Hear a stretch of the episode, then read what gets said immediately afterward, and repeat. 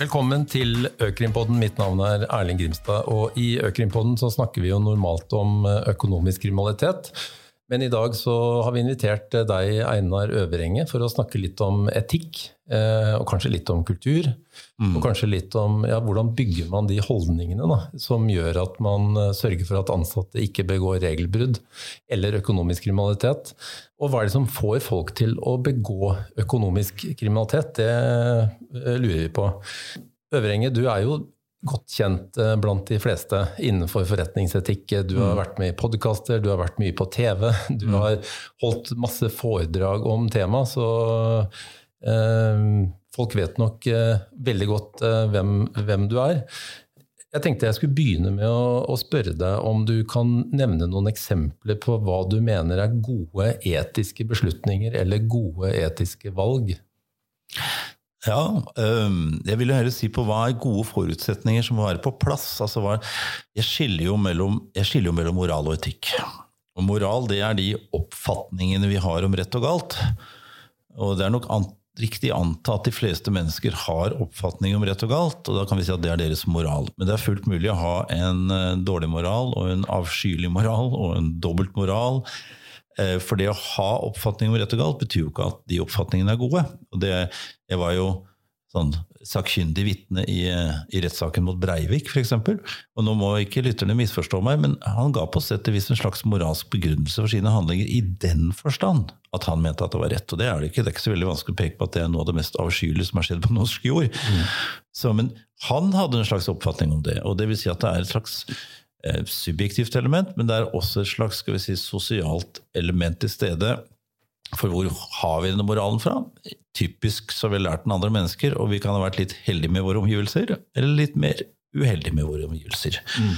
Så det vil si at vi tar til oss andres flertallets handlinger, kan bli våre holdninger. Uh, og så kan det bli et slags mønster som, som, gjør at ok, men det der er litt greit å gjøre. Det er kanskje ikke helt lov, men det er litt greit å gjøre. Ikke sant? Mm. Altså, det er den type en veldig god En sammenligning som er ganske god, f.eks., uten at det er en forbrytelse, og vi vet ikke om det er gjort noe lov eller ikke, men pendlerboligsakene mm. er jo en klassiker. Um, folk har reagert på det. Har de brutt noen lov? Jeg er ikke sikker på det, men vi vil samtidig si at det er noe der som ikke virker tillitsvekkende. Det er noe som virker klanderverdig og kritikkverdig der. Det gjør noe som eh, kanskje har skadet omdømmet der. Eh, og så har de gått inn for å gjøre noe gærent. Det er ikke sikkert. Det er ikke sikkert de har gjort noe juridisk galt heller. Men at det har kanskje vært et mønster som har gjort at det har vært en slags stilltiende aksept, for dette her er litt sånn innafor å gjøre. Mm. Eh, og så kommer det ut i offentligheten, og du får det på forsiden av avisen, og ser vi ja, dette, dette tar seg ikke helt ut. Altså, dette er ikke tillitsvekkende, og dette er jo tillitsvalgte mennesker. Det er noe der som vi skal være klar over når vi skal ta sånne beslutninger. Det, jeg, og da sier jeg ikke at de menneskene dette gjelder på Stortinget eller regjering, er noe mer, mindre hederlige enn oss andre, for det tror jeg ikke. Jeg tror det er akkurat som oss andre. Mm. Men det er fort gjort å havne i sånne mønstre eh, hvor man hvor jeg sier at jeg skiller med moral og etikk. Moral, altså de holdningene vi tilfeldigvis har. Etikk det er noe vi forsøker å utfordre litt og forsøke å begrunne. ja, men Er det, er det egentlig greit å gjøre sånn? Jeg vet at vi har gjort det. Mm.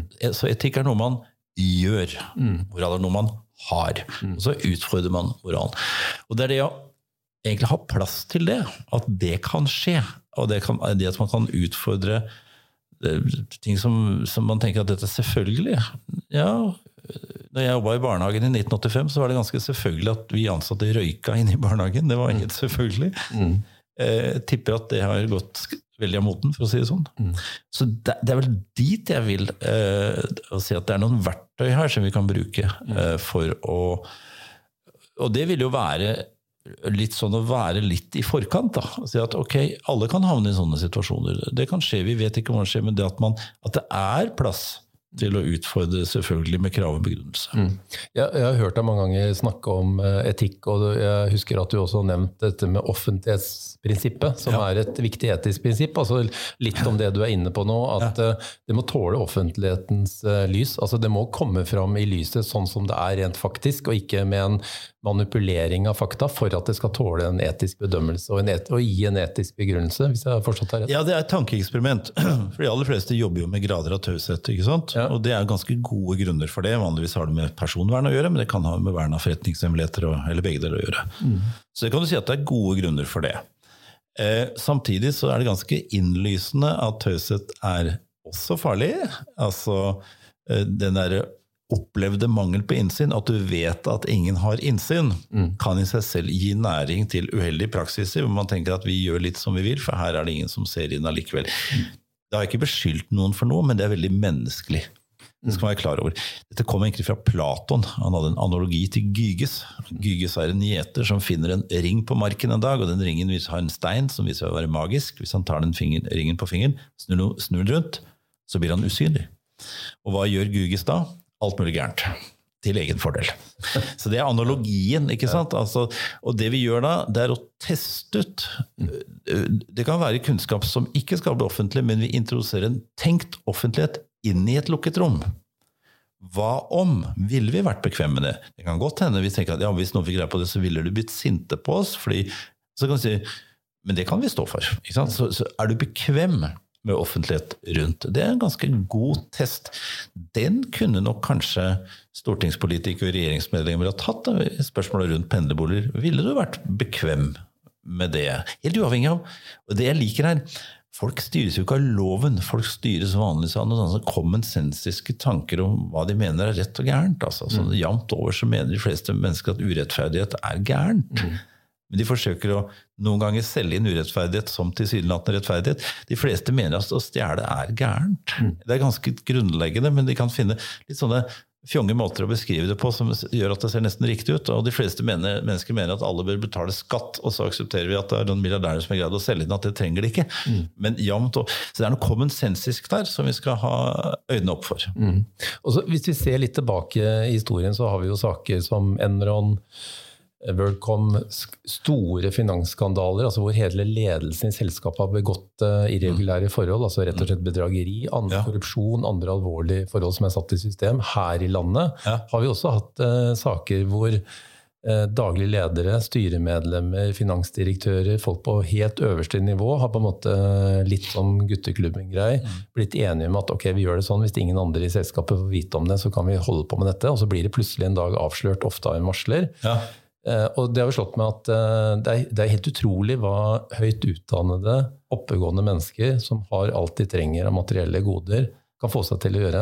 Og, det ledet til at jeg en gang begynte å studere organisasjonspsykologi. Mm. Og da eh, lærte jeg fra Edgar Schein, mm. som beskriver organisasjonskultur i tre lag. Han sier mm. at det første laget er på en måte det du ser hvis du tenker deg at du er søker på en jobb i dette mm. foretaket du vil gjerne inn i. Eh, og når du kommer inn og leverer søknaden selv i resepsjon, så får du et inntrykk av mm. Eh, blandingen mellom kvinner og menn, mm. aldersfordeling, om folk ler, og om det er hyggelig stemning, om det er eh, altså, artifaktene, det du ser rundt deg på veggene og hvordan lokalene ser ut. Det er liksom første nivå av inntrykk av organisasjonskultur. Og så sier han at hvis du er så heldig at du blir invitert til intervju.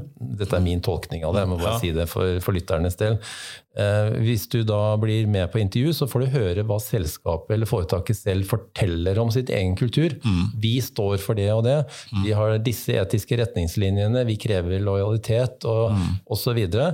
så da får du et dypere inntrykk av kulturen i virksomheten. Og hvis du da er så heldig at du blir ansatt og har jobbet der i tre måneder, kanskje et år, da skjønner du virkelig hvordan de gjør det. For da ser du som en ung, uerfaren medarbeider ofte hva de eldre seniorpersonene gjør, som sier du, nå må du ta det litt med ro her. Du klarer aldri å hente ungene dine i barnehagen klokka fire hvis du skal følge alle disse reglene. Mm. Så det er en del regler her som vi ikke følger. skjønner du. Vi gjør det sånn og sånn og sånn. Mm. Da kommer du på det tredje dypeste nivået av kultur, og det er liksom det man må ta tak i.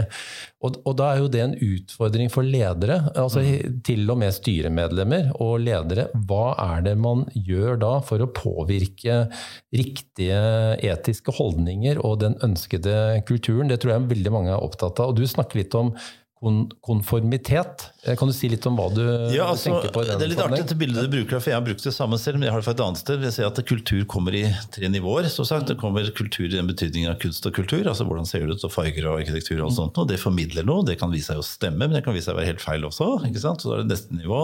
Da formidler du kultur gjennom tekst. Mm. Hva skriver vi om oss selv? Så, altså, det er Og så det dypeste nivået er kultur gjennom praksis. Hva er det vi faktisk gjør? Og jeg har vært veldig opptatt av forholdet mellom det vi sier om oss selv, og det vi faktisk gjør. er det samsvar? Ja. Um, og, og, den praksisen, altså det er det dypeste du kommer. Det fins en sånn type praksis. Og hva er det som foregår på det praksisnivå? Hvordan er det vi lærer av hverandre? Og ofte, selv om ledelser altså, kommer frem til ja, det fristet til å gjøre noe de ikke skulle gjort, og sånt, så skjer det ofte ved at noe ganske åpenbart kompliseres litt. Det tar noe som er ganske åpenbart, en ganske åpenbar intuisjon. Uh, F.eks. ikke ta noe som ikke er ditt.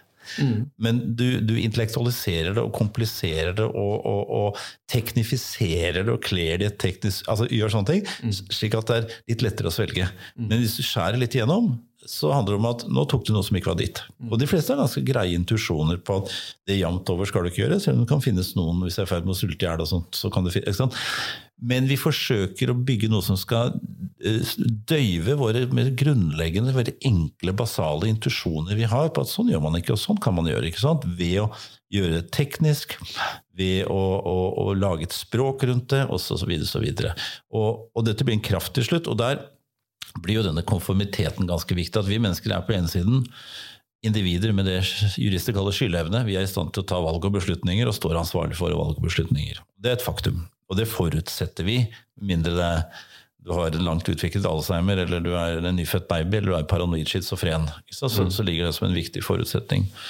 Men så er det store spørsmålet hvordan fungerer vi i forhold til hverandre i sånne kulturer?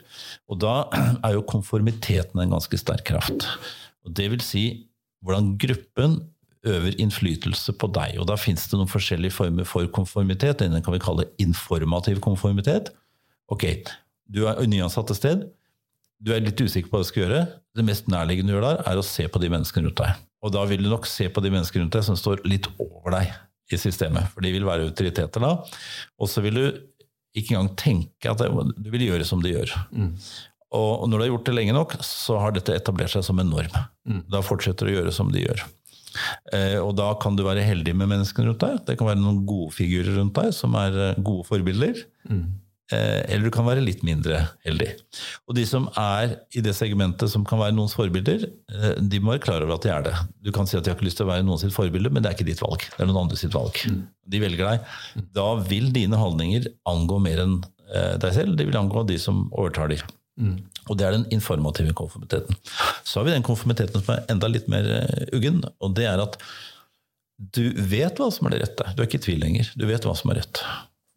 Men du handler på tvers av det likevel, uh, fordi du ser de rundt deg gjør det. Mm. Med andre ord, du vil ikke bli ekskludert fra gruppen. Mm. Uh, jeg hadde en hatt sånn TEDX-talk hvor jeg stilte spørsmål why good people do bad things. Og det er fordi vi måtte noen ganger nøytraliserer våre egne åpenbare intuisjoner vi har. at ikke, altså vi, vi, vet hva som er riktig og galt. En av grunnene til at vi nøytraliserer de og tenker at de gjelder i prinsippet, men kommer ikke til anvendelse nå, det er litt sånn man gjør. Jeg mener jo at det prinsipielt er galt, men nå er det riktig. Det er jo uh, forskjellige sånne nøytraliseringsmekanismer vi har. En av de er jo hva alle andre gjør. Ikke sant? Eller folk får ikke greie på det, eller andre gjør verre ting, eller altså, ikke sant, sånt. Og, og da nøytraliserer vi våre helt åpenbare moralske intuisjoner vi har. Men igjen, en sterk faktor der er jo den gruppen rundt deg. Ikke sant? Og hvis den gruppen rundt deg eh, ikke gir rom for etikk, dvs. Si, det man gjør i etikk, er at man etterspør begrunnelser. Ja, men hvorfor er nå dette riktig, ut ifra at bortsett fra at vi har lyst til å gjøre det? er det noen mm. gode begrunnelser for det? Mm. Og det å åpne opp for det er jo skremmende, for, kan jo være skremmende. Eh, det er sterke krefter i spill. Altså, konformitet er en sterk kraft. Altså, en ting er helt åpenbare trusler du kan få, men det, men det ekskludering fra gruppen Vi er villige til å strekke oss veldig langt, vi mennesker, for å ikke bli ekskludert fra gruppen. Og vi kan tenke oss på en arbeidsplass. Du har ønske om en karriere. Du har lyst til å beholde jobben din, du har lyst til å ha det hyggelig på jobben din, du har lyst til å ha spennende utfordringer, du har lyst til å være inkludert, du har lyst til å stige i grad. Altså alt dette her som kan gjøre det veldig, veldig vanskelig å stå imot. Og noen ganger kan vi si er det en rimelig forventning å ha en gang at noen kan stå imot. Vi tenker jo det, for vi vil jo holde individer ansvarlig, men presset er det direkte bevisste presset, men også det implisitte, litt mer sånn skal vi si, strukturelle presset som Det er ingen som øver det presset, men det øves allikevel. Summen av det er ganske tøft, altså. Det du sier nå, forklarer egentlig noe jeg har gått og lurt litt på uh, i noen sammenhenger. Jeg kan bare vise deg et eksempel på det. Det var for noen år siden vi gransket, undersøkte, eller om man vil saksbehandlet en varslingssak. Mm. Eh, og varsler var en av de yngste ansatte i et foretak, eh, og som var en kvinne. Og hun eh, kom til oss og fortalte at fra dag én i dette arbeidsforholdet, så var hun lært opp til å skrive fiktive fakturaer. Altså hun, hun lærte hvordan hun teknisk skulle gå inn og lage Word-formatløsninger, mm. altså standardformat på fiktive fakturaer. Hvilke elementer hun måtte ha med i fakturaen for at ingen skulle oppdage at det var faktura, uriktig faktura. Hun lærte også hvordan hun skulle gå rundt til virksomheter og be om en ikke utfylt faktura, mm. hvor hun kunne skrive inn det hun ønsket. Hun lærte hvordan hun skulle lage helt fiktive prosjekter, hvor disse fakturaene skulle brukes som en backing på å forklare hva pengebruken var til. Og dette var en donorbasert virksomhet. altså De fikk alle pengene sine fra innsamlingsaksjoner. Ja, ja, ja. Eh, og eh, hun visste at det var galt. Hun valgte å bli der. Og hun hadde veldig mange andre kollegaer som hadde vært der i lang tid, og fortalte at ingenting av de prosjektene de holdt på med, var reelle. Det var fiktivitet hele tiden. Og det du nettopp forklarte mm. Og det som er sier litt om det. det som er interessant, da, det er jo at eh, det, er flere interessante ting her nå. På den ene siden så vil jeg anta at det var litt ubehagelig å leve med. Mm. Men så, ja, men for, det, for, det, er ubehagelig å leve med sånt. Ja. Men antageligvis så kan det være at hun også kanskje likte sine kollegaer. Det kan være at hun samtidig likte arbeidsplassen, at hun likte de som personer, at det hadde mange berøringspunkter uavhengig av det, som gjorde det. ikke sant? At, at, og det var kanskje en av grunnene til at hun ble der. Jeg trenger jobb og lønn og sånt. Ja, men det er mange steder du kan jobbe. Men at det totalt sett så, så, ble hun en del av gruppen, kanskje ble akseptert som en del av gruppen. Og det å vite at man er akseptert som en del av gruppen, ikke sant? Det kan få oss til å, å, å være med på ganske mye. Mm. Og samtidig så vil jeg tro at det er Jeg vil tro at det bortimot er fysisk usunt for deg å leve med den stressoren mm. som går ut i at plutselig en dag er det noen som banker på døren min. Plutselig en dag er det noen som står der, som har sett dette her. Mm. Du skal liksom legge deg med den tanken, og våkne med den tanken, og feire julekvelden med den tanken. altså ikke sant, Den mm. er med deg. Det tror jeg er usunt for deg. Mm. Eh, tror, altså Helt fysisk jeg er jeg ganske sikker på det. Fordi vi trives ikke så veldig godt i sånne situasjoner. Mm. Uh, men, men, men, skal vi forstå noe av dette her, så må vi ikke konstruere gangstere. For det, det, er ikke, det, er ikke, det det er snakk om. Jeg, jeg, mener at individer har et personlig ansvar for det de gjør, men hvis vi skal forstå det og jobbe med det, så må vi forstå også eh, mer om gruppen. Eh, det fritar ikke individer for ansvar, men det kan gjøre oss lettere til å forstå hvorfor sånne ting skjer og forstå hvordan vi kan jobbe med det. Ikke sant? Mm. Individer står fortsatt ansvarlig for sine handlinger, så er ikke det jeg sier, men allikevel skal vi, de som kunne komme på skuddholdet av, av, disse mekanismene som, som, fører til dette her, så må vi forstå noe av det. Mm. Eh, er du klar for et par etiske dilemmaer? Vi kan prøve. det er litt dårlig gjort, Einar, for jeg har ikke forberedt deg på dette her Nei, på forhånd. Sånn men, er det å være eh, filosof. Ikke sant? Vi skiter fra hofta. Ja, vi gjør det. Uh, og dette er to historier som jeg har opplevd selv mm. uh, i hverdagen. Uh, kanskje opplevd fordi at jeg har sett etter bestemte ting jeg, jeg ikke vet jeg. Men første episoden som jeg tenkte jeg skulle høre med deg om et etisk dilemma knyttet til, det var en dag jeg satt på bussen. Mm. Bak meg på setet bak så sitter det to godt voksne damer. Og de begynner å snakke om barna sine som var ferdig på videregående nettopp og skulle inn på universitet. Og de var veldig spent på om eh, kommer datteren min eller kommer sønnen min inn på det og det universitetet. For vi foreldrene mm. hadde jo bestemt at eh, det var det og det studiet som var, passet best for vår pode. Problemet var bare for hun ene eh, at datteren hadde ikke gode nok karakterer. Mm. Uh, mens de som foreldre mente at datteren var så god i engelsk at uh, det var helt naturlig at hun skulle ha en høyere karakter. Hun var nok også mye bedre i matte enn det læreren hadde forstått. Mm. Så selv om hun hadde feilet og vært litt uheldig og hatt en dårlig dag på prøven osv., så, videre, så fortjente hun bedre karakter. Så det mannen og hun da hadde snakket om, det var at kan vi ikke snakke litt med rektor? Mm. Og så kan vi få rektor til å endre karakteren.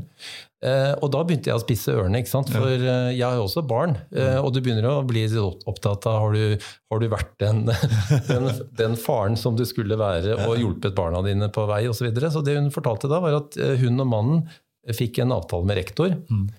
Rektor visste jo ikke hvem denne jenta var, selvfølgelig. Hadde ikke noe time med denne jenta, men spurte pent om ikke rektoren kunne bare få, sørge for at det ble endret noen uh, små tiendeler av noen karakterpoeng, som var nok til at hun ville være sikret plass på det universitetet som foreldrene ønsket at hun skulle inn på. Og så tok det ikke lang tid før, sier hun eh, på setet bak meg, det tok ikke lang tid før de fikk bekreftelse på at jo, det lot seg ordne.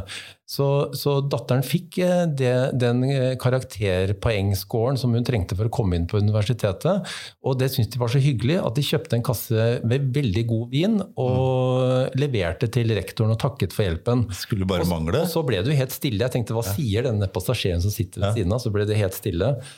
Eh, og så går det noen minutter, og så sier hun eh, men nå er vi litt usikre på om eh, vi har gjort det riktige valg for vår datter. For det er ikke sikkert at hun er like motivert i dag. Så det var liksom ulempen for denne. Men jeg satt egentlig og lyttet til en, mm. en, en episode om noe som, eh, hvis du subsummerer dette inn i straffeloven, så er det faktisk bestikkelse av en eh, kommunal eh, tjenestemann, altså en, en rektor.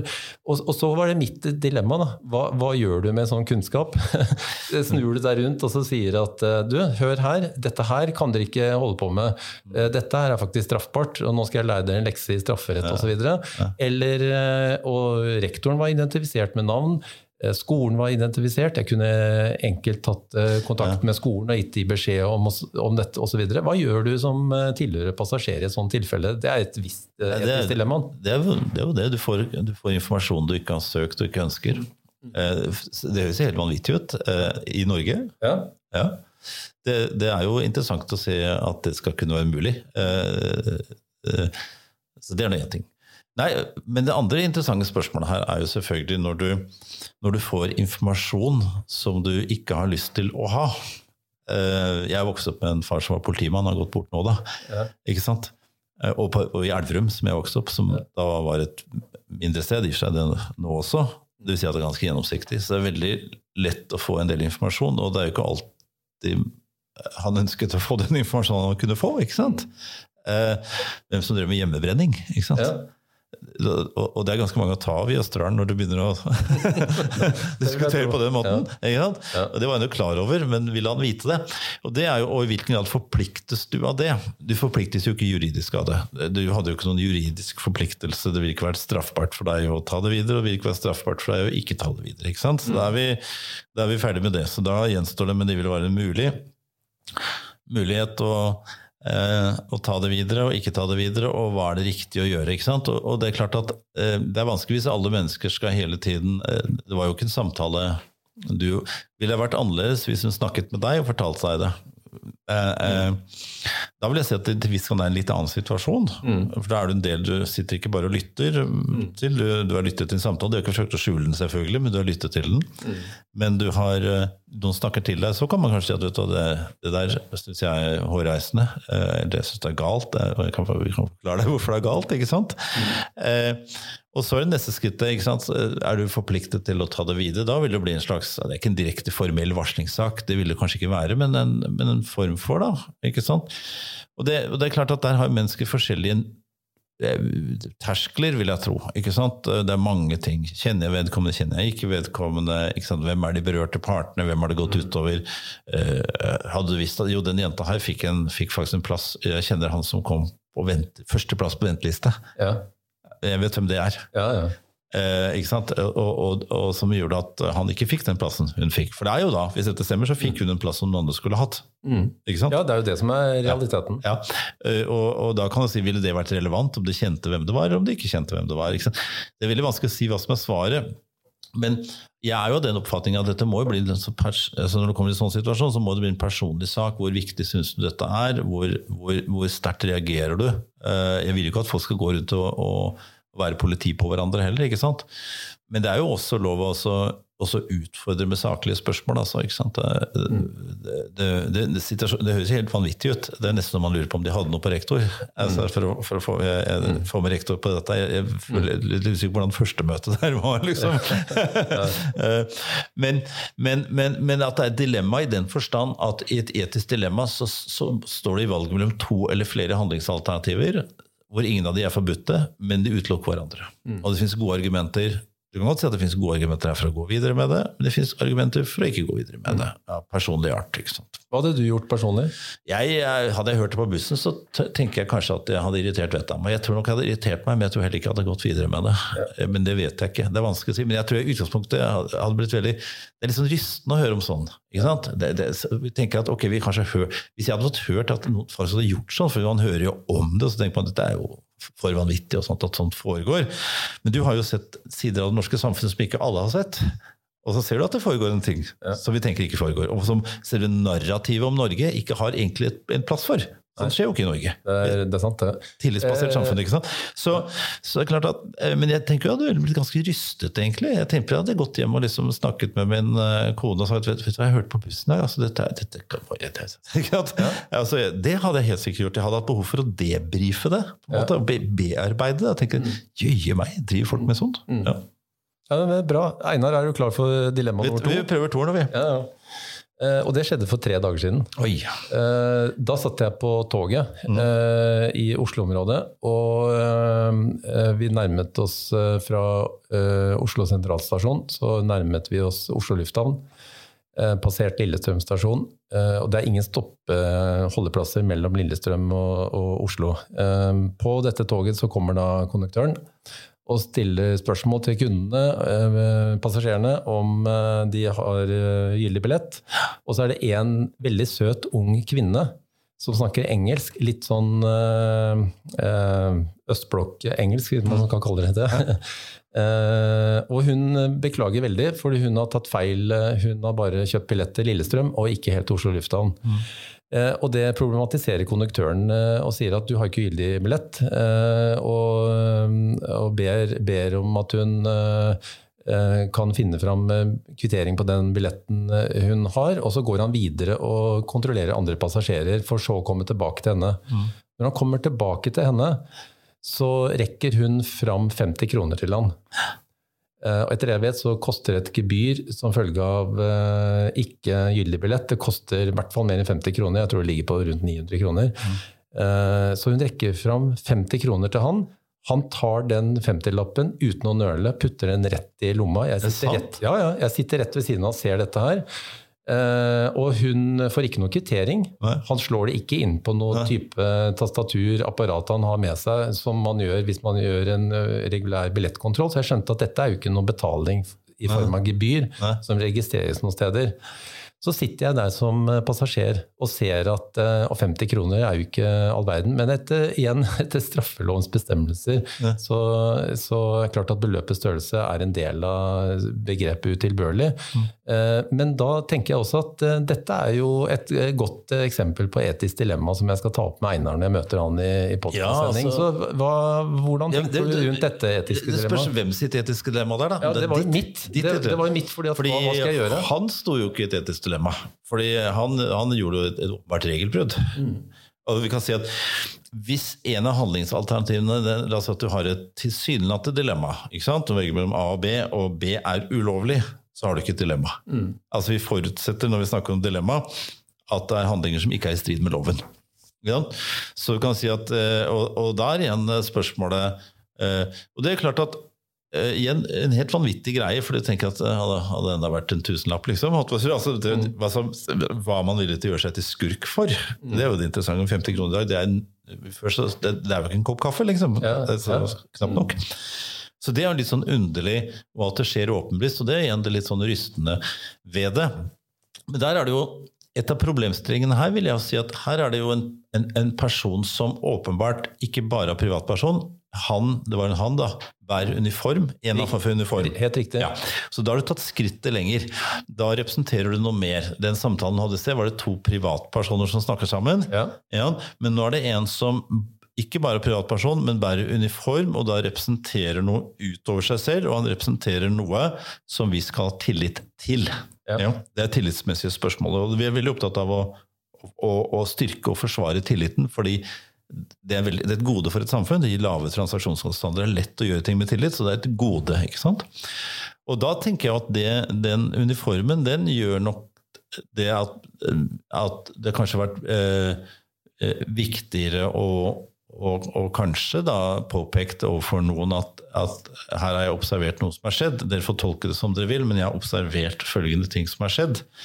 Det kan godt hende det fins en begrunnelse for det, kanskje ikke fins begrunnelse for det, men dette har jeg altså Spørs om man har tid og ork, da. Det er jo en del av det, ikke sant. Mm. Men, men, at man sender en annen eh, e-post eller noe sånt, at da, da, på toget sånn og sånn, så observerte jeg sånn og sånn. Og, for jeg tror nok tilstedeværelsen av en uniform Eh, og at du representerer noe mer. Det, det, det, det, er noe ytterligere. Man får si at ok, jeg, jeg, vil ha, jeg, vil gjerne ha, tillit til denne institusjonen her, fordi det har ikke bare med dette å gjøre, men med sikkerhet å gjøre. Hva med når de kontrollerer bremsene, er det det samme som foregår da? Ja. Altså, det er samme spørsmål som dukker opp. Ja. Og da er det litt mer alvorlig. Igjen synes jeg Det høres jo helt vanvittig ut, men ting skjer. Og da er spørsmålet har jeg et ansvar. Nei, du har ikke et juridisk ansvar. Eh, men da kan man si at er det et etisk ansvar? Jeg har eller mer moralsk, altså bør jeg gjøre sånn fremfor sånn? Og da kan man jo si at igjen, jeg tror det er rystende for mennesker å se sånne åpenbare ting. Hvis man ser sånne ting ikke reagerer, så er det litt rystende også. Det bør man jo reagere på, altså fordi det, det er åpenbart feil. Mm.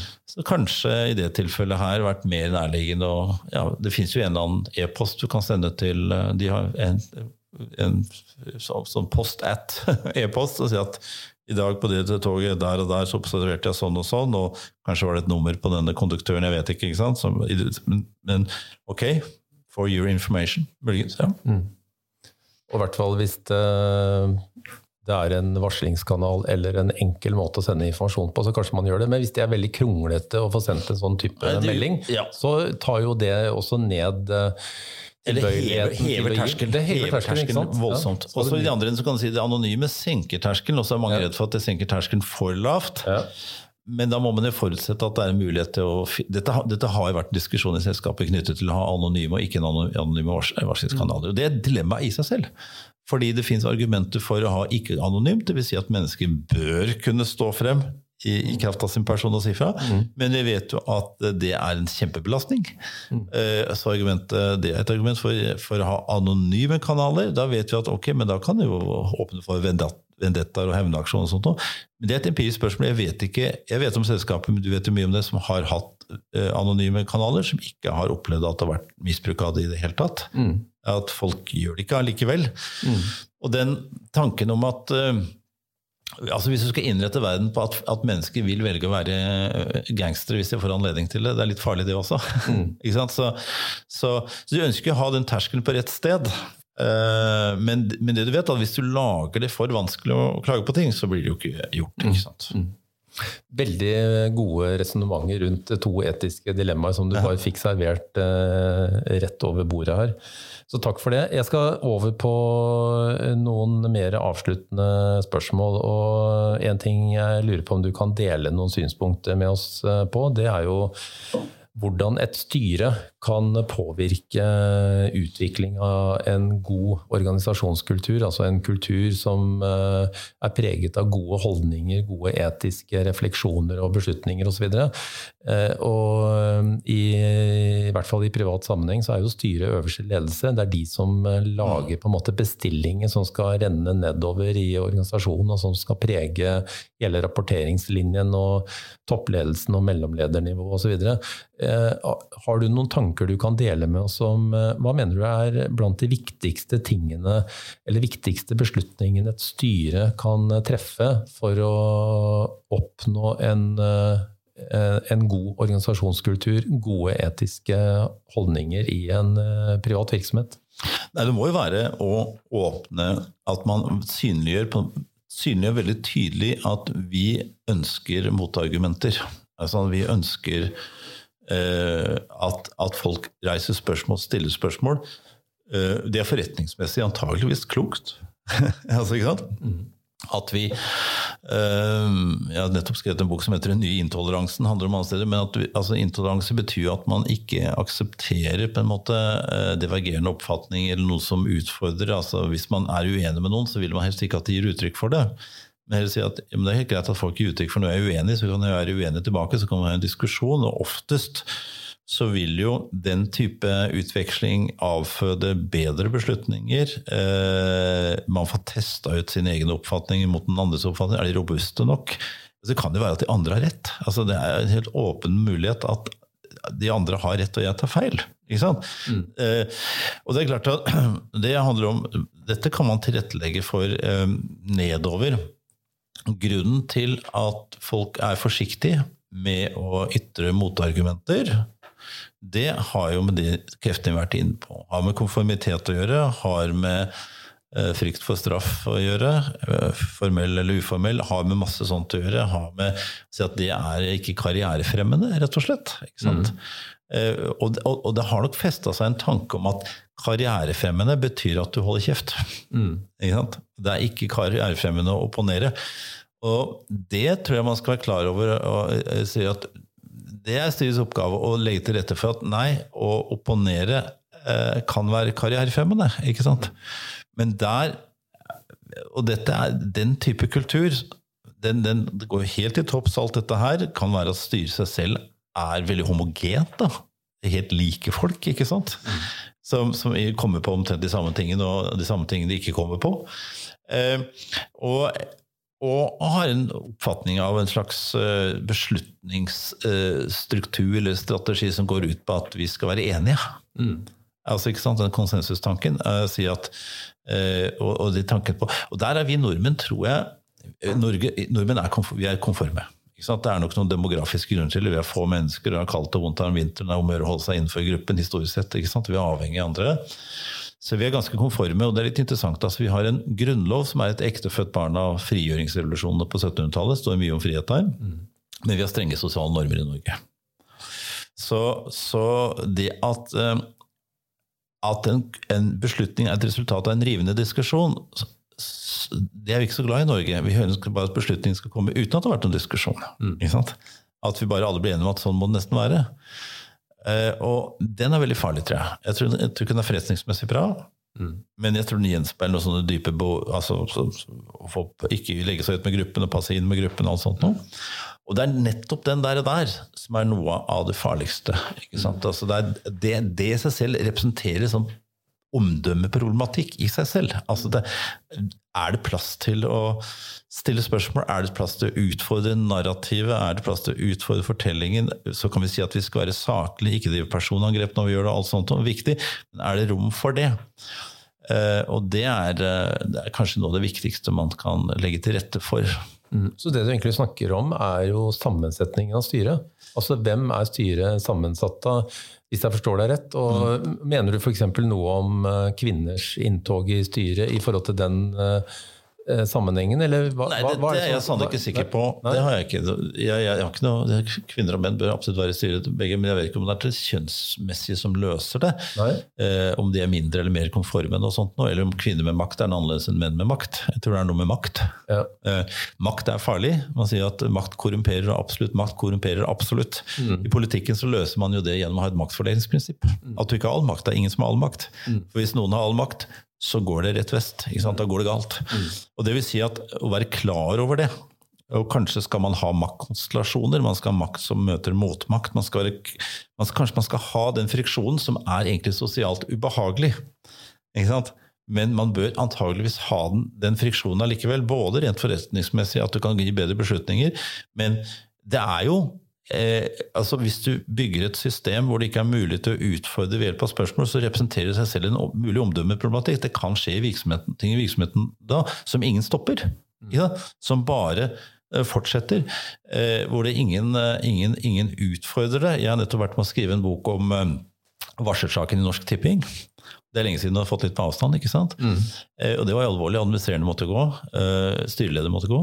Eh, statsråden hang i en tråd. ikke sant? Altså, det var veldig alvorlig. Ja. Uh, var det noen som gikk inn for egentlig å være en gangster? Nei, nei, vi egentlig ikke si det. Men det var, Jeg kjenner ikke saken så godt, men jeg peker på det var et element av det vi kaller etisk blindhet. Det var, Ting foregikk ganske åpent, egentlig, men det skulle ikke ha foregått. Uh, men det var veldig tydelig egentlig, da, sånn som vi har forstått i en bok som er skrevet, internasjonale bidragsytere, at helt fra toppen opp så var det at det er disse tingene vi bare ikke stiller spørsmål om. Altså, de, vi gjør det bare ikke. ikke sant? Det er farlig. ikke sant? Det at mennesker gjør ting de skal ha gjort, det vil de gjøre. Men at det ikke er noe sted hvor du kan sant, eh, påpeke det og si at men, men, sånn bør vi ikke gjøre. Og det, det, fikk jo en enormt dramatisk eh, konsekvens, da. Det gjorde, det gjorde det. Eh, du har gitt en del tankegods her til både styret, både sammensetning og struktur, men ikke minst hvordan styret sørge for takhøyde og åpne for diskusjoner og motargumenter osv. Jeg går ut fra at uh, lytterne her forstår veldig godt hvordan ledere og mellomledere også kan føre samme tanken mm. nedover i rapporteringslinjene.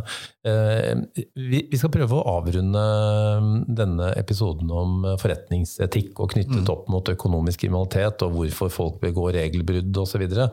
Uh, med en, en avrunding som, uh, som jeg tenkte skulle handle litt om åpenhetsloven. Eh, det er nok mange som er spent på hvordan åpenhetsloven Vi er i det første året hvor åpenhetsloven har eh, trådt i kraft. og altså Hvor man skal være åpen om hele leverandørkjeden, eh, arbeidsforhold, unngå arbeidslivskriminalitet, sosial dumping osv. Det skal være redelig mm. i alle ledd. Og så har de også en side, etter hvert et påtrykk fra det mange oppfatter som større grad av miljøvennlige løsninger, bærekraftsmål osv. i selskap. Det kom en eierskapsmelding i dag mens vi sitter her og snakker, mm. som stiller krav om, eh, om bærekraftsmål eh, mm. i foretak hvor staten har eierskap. Eh, har du noen tanker om Eh, I hvilken grad tror du åpenhetsloven vil bidra til eh, større oppmerksomhet om forretningsetiske beslutninger framover? Det er veldig vanskelig å si, egentlig. Altså, på en side så er, så er vi enige om at åpenhet er bra, og så er det litt sånn der å bruke Aristoteles' gylne middelvei. Den riktige mengden av åpenhet er bra. ikke sant? Altså, og, og, og, det er jo klart. Eh, vil vi være så åpne at staten kan drive direkte overvåkning av alt det vi gjør og sier og tenker? Det vil være en åpenhet, det òg, men det er ikke kanskje den åpenheten vi er ute etter. ikke sant? Men det vil være en ekstrem åpenhet i én forstand av, av ordet. ikke sant? At alle er åpne om alt, at staten kan ikke sant? Samtidig så vil det at du lager sånne, kodifiserer sånn ned i lov, for det er noe sånn common sensisk her. ikke sant? Du, hvis du ikke kan være åpen om noe, så er det kanskje en problemstilling der. Du, du hører liksom ikke, Det er ikke rakettvitenskap, det. altså du tenker at uh, da, da, er det kanskje noen problemstillinger der. Og så kodifiserer du det ned i en lov. Uh, og da inviterer du til en viss grad også til å være litt kreativ i begrepsbruk og hvordan du kan eh, operere gitt den loven, og samtidig ikke være noe mer åpen enn du var før. Eh, altså, det der er vel ganske, folk ganske flinke til. Mm. Eh, og det er alltid problemer. og Når du tar det over i en lov, at hver gang du lager en lov av noe, så, så gir det også i prinsippet en uh, Spiller en mulighet for å drive det vi kaller smutthullsetikk. Lete etter huller i loven for å begrunne handlinger. Uh, nå kjenner jeg ikke loven så godt, men det er alltid en problemstilling uh, når man da liksom tar noe som er ganske kommensensisk, og så lager en lov ut av det, så må den skrives på en bestemt type måte. Mm. Og så begynner man istedenfor det allmenne, generelle prinsippet ja, være åpen om ting, til å si ja, men eh, sånn eller slik. Da begynner man med millimetermål og sier ja, hvis vi gjør det akkurat på denne måten, da er det ikke. ikke sant? Mm. Man inviterer samtidig også til den type respons. Mm. Og finne forskjellige måter å ikke være åpen på som ikke direkte er en konflikt med loven, og så legitimerer du en handling gjennom å, peke på at den ikke er forbudt. Mm. Eh, men samtidig så og det er alltid en fare når du lager sånne lover. Mm. Eh, ikke sant? Fordi du vil aldri kunne skrive altså, Da må du ha, hver lov være en bok på 1000 sider, ikke sant? og det kan det ikke være. Mm. Så, så, det er alltid interessant om man egentlig har gjort noe annet enn å signalisere at vi har gjort vårt, lovgiver har gjort sitt. Mm. Har vi, eller har vi også greid å komme frem til en endring i oppførsel hos mennesker? Mm. Eh, veldig interessant eh, avrunding, Einar. fordi at du, Nå har du egentlig sluttet en ring, sånn som jeg ser det. fordi at Vi begynte å snakke om hva som er god etikk, og mm. da var vi innom dette offentlighetsprinsippet. Mm. Og Det samme slår jo inn i forhold til åpenhetsloven. altså Hvis man prøver å finne smutthullene og pakke ting sammen og manipulere ja. informasjon, eller forklare forbrukerne og andre mm. at egentlig så er det sånn og sånn, og så skjuler man helt det man har dårlig samvittighet eh, om, ja. så tåler jo ikke det testen etter offentlighetsprinsippet. altså Den dagen noen finner ut at informasjonen er manipulert eller er feil, som du har rapportert etter kravene i åpenhetsloven, da er du virkelig ute å kjøre i forhold til å skape tillit eh, hos forbrukerne, kundene, leverandørene og eiere osv. Og, da kan jo eh, brudd på åpenhetsloven i den forstand som vi snakker om nå, fordi at det ikke tåler offentligheten, det som faktisk har skjedd, det kan jo virkelig skade et selskap.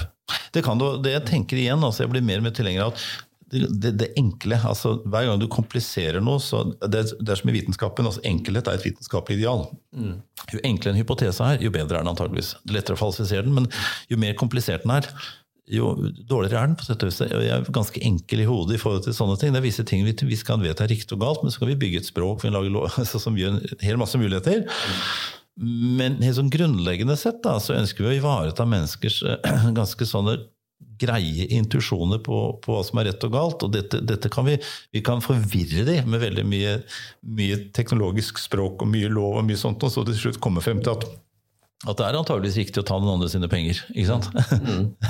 Mens man vet at det er det ikke. Og det er liksom alltid problemet når man teknifiserer det. Lager et språk rundt det, lager lover rundt det, gjør alt dette her. Så, så ligger det, Da sier jeg ikke at man ikke skal lage lover, men man skal være ganske forsiktig med det også. Mm.